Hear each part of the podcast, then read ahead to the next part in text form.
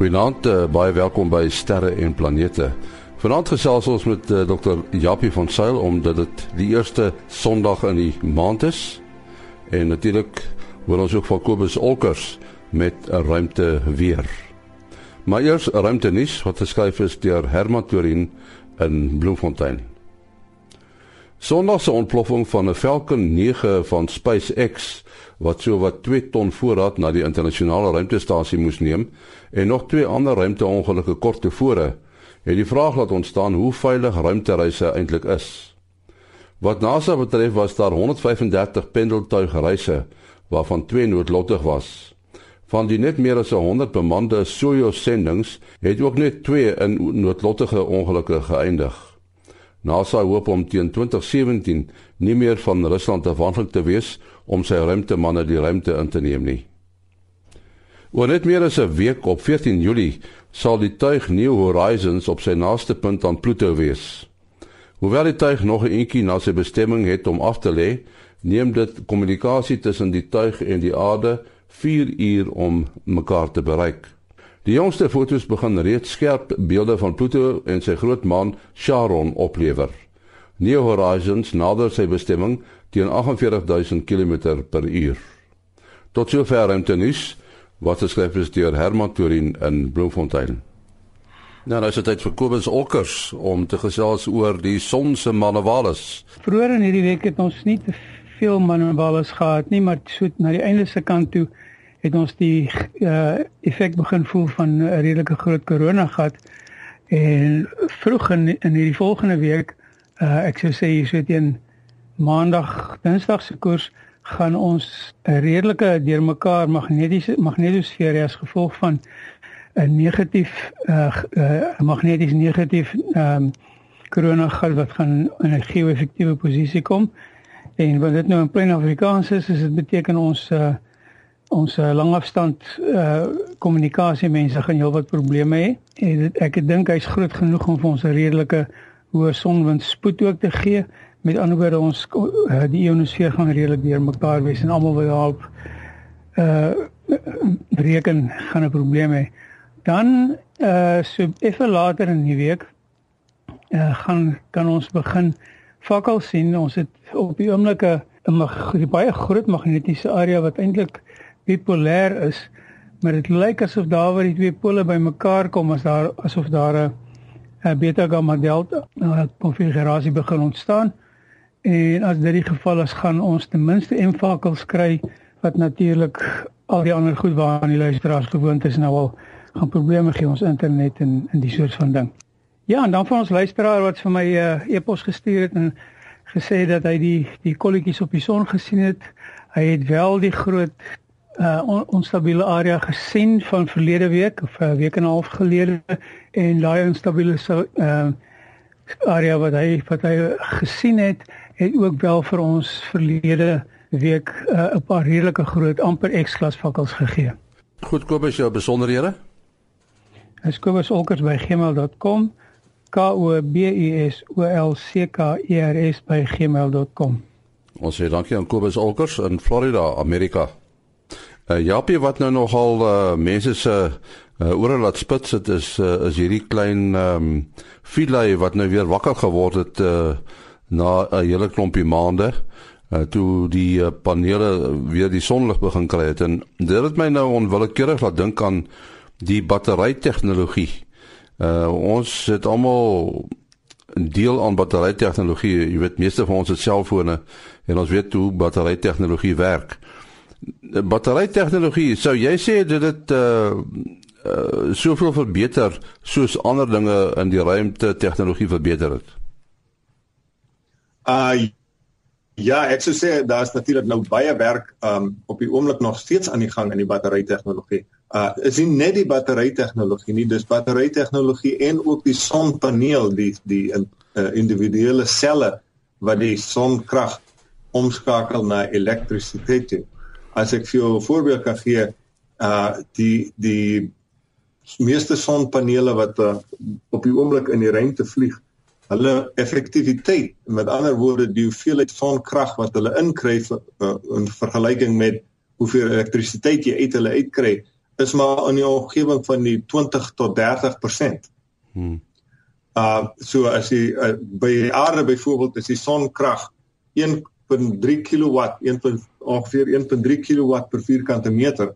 So as jy 'n uh, vierkante meter sonpaneel met 100% effektiwiteit kon kry, dan kan ons 1.3 kW uh, uh krag opwek uit so 'n paneel uit. Maar dan moet ons natuurlik nou nog stoor ook in die battery, né? En dan ver, verloor 'n mens weer uh, die uh, gedeelte van die krag daar ook.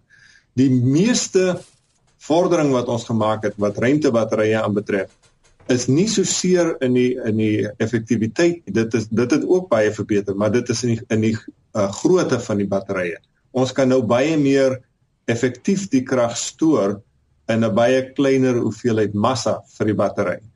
So uh, daar was natuurlik nou baie uh, voor vooruitgang in die area, maar dis nog 'n area van ongelooflike aktiewe uh, aktiewe navorsing. En uh, die uh, ex-Suid-Afrikaner Elon Musk is natuurlik nou besig om ook 'n battery uh, maatskappy te begin en hy gaan nou binnekort begin nou uh, meer van hierdie hoë kapasiteit batterye vervaardig. Uh, as jy nou sê hoë kapasiteit battery, hoe hoe verskil dit van die gewone battery wat ons ken want baie van die batterye is nou sogenaamde lithium batterye, né? Nee? Ehm um, ja, die hoë kapasiteit is die lithium tipe batterye.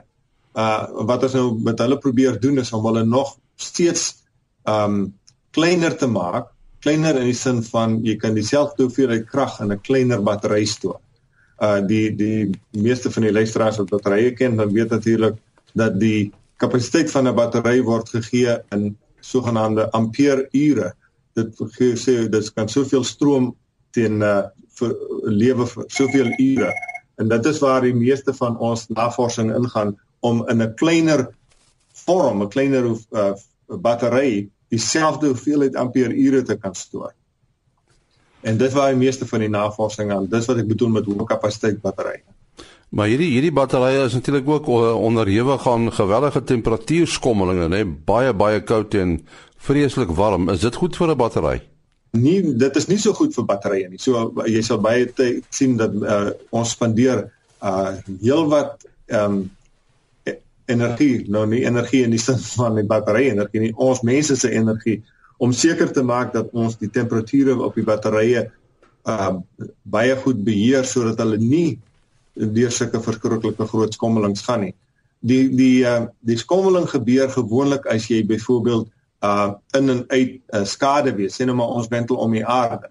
As ons aan die sonkant van die aarde is, dan kan batterye of sonpanele, sal ek maar sê, uh baie maklik tot uh, 150 grade Celsius of so uh warm word En dan as jy weer in die in die in die die skaduweekant van die aarde is, dan kan die temperatuur daal tot so minus 120 grade baie maklik. So dis is natuurlik wat die ongelooflike skommeling ver, veroorsaak en as jy daaraan dink, dit vat die uh, tipiese satelliet ongeveer 90 minute om om een keer om die aarde te gaan. So binne elke uur en 'n half gaan jy van 150 grade na minus 120 gaan weer terug na 150 toe. Maar wat ons doen tipies as ons probeer die batterye in in plekke in die in die uh satellietbou waar die, waar die temperatuur nie so verskriklik verander nie. In die binnekant jy sit as uh, um insulasie en so aan om hulle sodat hulle battery die batterye nie so verskriklik uh op en af gaan in hulle temperatuur nie.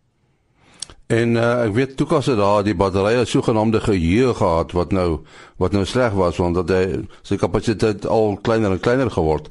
Hierdie lithium batterye wat jy gebruik, uh, is daai probleem nou opgelos? Dis nie heeltemal opgelos nie. Uh ons moet nog steeds baie versigtig uh die battery beheer. So die manier waarop ons daar daar verbykom is ons uh beheer baie noukeurig wat ons noem die depth of discharge. Dis hoeveel jy die battery laat afloop um in die ou dae in die ou uh, lood um in batterye wat die sturing gehad het baie keer as jy die battery heeltemal laat pap word het was hy nooit weer dieselfde so dis die soort van dinge wat ons ons beheer die hoeveelheid wat ons die battery laat afgaan. As die battery te laag raak en te laag bedoel ek deesdae is is baie uh, nog uh, hoër as wat ons in die ou dae gebruik het in terme van hoeveel krag nog oor is dan begin ons van die instrumente en so aan afsit sodat hy nie so verskriklik krag hoef te te lewer meer nie. Dit dit verleng die lewe van hierdie batterye is uh uh heelwat as jy as jy dit so vers, versigtig beheer. Ja, uh, sou mense dit kon gelykstel in die sogenaamde deep cycle batterye. Ja, die deep cycle batterye is natuurlik die wat jou toelaat om hulle so uh, uh, sal ek maar sê redelik ver te laat afgaan. En vir hulle is dit natuurlik goed om om so uh, hulle wil juis nie so um in die net uh, op 'n konstante um soort van discharge um vlak te werk nie. So uh dit hang natuurlik af, maar ons ons skryf in ons sagte ware in om versigtig te kyk na die batterye gedurende voor die batterye dopgehou uh terwyl die satelliet um besig is om te vlieg en en en sy ding te doen. En dan um soos ek sê, soms word instrumente aan en afgesit juis om te beheer hoe op haar ons in die in die siklus is van die van die battery. Wat nou ook vir my interessant is, die Curiosity wat op die oomblik uh, op Mars doenig is, die is nou kern aangedrewe. Ek dink Spirit and Opportunity het sonpanele gehad en ek dink jy het uh, op 'n stadium gesê dat die volgende uh, Mars tuig gaan weer sonpanele hê. Hoekom die besluit? Ja, dit is tipies hoe ons dinge hier ontwerp uh ons het vir 'n ruk lank gedink ons gaan hom sonpanele weer gee, maar on, meestal as gevolg van die feit dat ons nie uh gedink het ons sal 'n kernbron kan kry nie. Uh Amerika produseer nie meer plutonium uh ons ons koop die plutonium van Rusland af. On, ons uh verwerk dit net wanneer ons dit op die ou end uh, uh van Rusland af gekoop het. En ons het gedink ons sal nie genoeg plutonium hê om nog 'n kernbron te kry vir die 2020 uh, uh rover nie. So uh, so het ons gekyk of ons dit met sonpanele kon doen en ons het uh, jy kan dit wel met sonpanele doen. Uh maar ons het intussen uh het uh, is dit nou genoeg plutonium gekry so ons sal weer 'n kernbron gebruik vir vir 2020. Maar jy weet dit kan ook maar weer verander. Dis net een ding soos ons hier moet werk. Mense moet maar gereeld uh en gereed wees om dinge te verander in geval politieke toestande verander en so aan. En en hierdie uh, 2020 Marstuig gaan hy omtrent net so groot wees soos Curiosity? Hy gaan presies dieselfde sal ek maar sê die die body van die kar. As jy nou die die kar homself kyk, hy gaan presies dieselfde wees as as uh, Curiosity. Hy gaan net ander instrumente op hê. Curiosity, uh, die luisteraars sal dalk onthou, die hoofdoel van Curiosity was om te sien of Mars ooit lewe kon gehad het of die toestande so was dat lewe kon bestaan op Mars. Nou met ehm um, in 2020 uh, uh rover wat ons gaan stuur het ons instrumente om te kyk of ons kan tekens van vorige lewe kan opspoor. So dit is nou spesifieke instrumente wat die regte uh metings kan doen om te sien of daar wel uh voorheen lewe op Mars was. Ja, dit is natuurlik 'n vreeslike wye begrip hierdie lewe. Want ek dink ja. meeste mense dink aan lewe as noem intelligente lewe, maar ons kan ook praat van van bakterieële lewe, nee. Ja, ons verwag natuurlik op Mars dat as ons iets sal kry, sal dit heel waarskynlik op die bakterieële vlak wees. Ek dink nie ons sal uh geluk, gelukkig genoeg wees om uh sê nou maar dinosour uh been daar op te spoor en die soort van goed of of uh, Marsmannetjie se bene of so nie. Maar uh, uh dis is natuurlik 'n baie interessante vraag en die ander vraag is natuurlik uh, is dit sal dit lewe wees soos ons hom ken noodwendig? Ehm um, dis natuurlik groot vrae wat wat ons nie die antwoord ken nie en ons uh, probeer nou maar gaan en gaan kyk wat kan 'n mens ehm um, meer daar wat kan jy opspoor? Uh die ander groot probleem is natuurlik ons gaan net op een plek op Mars land.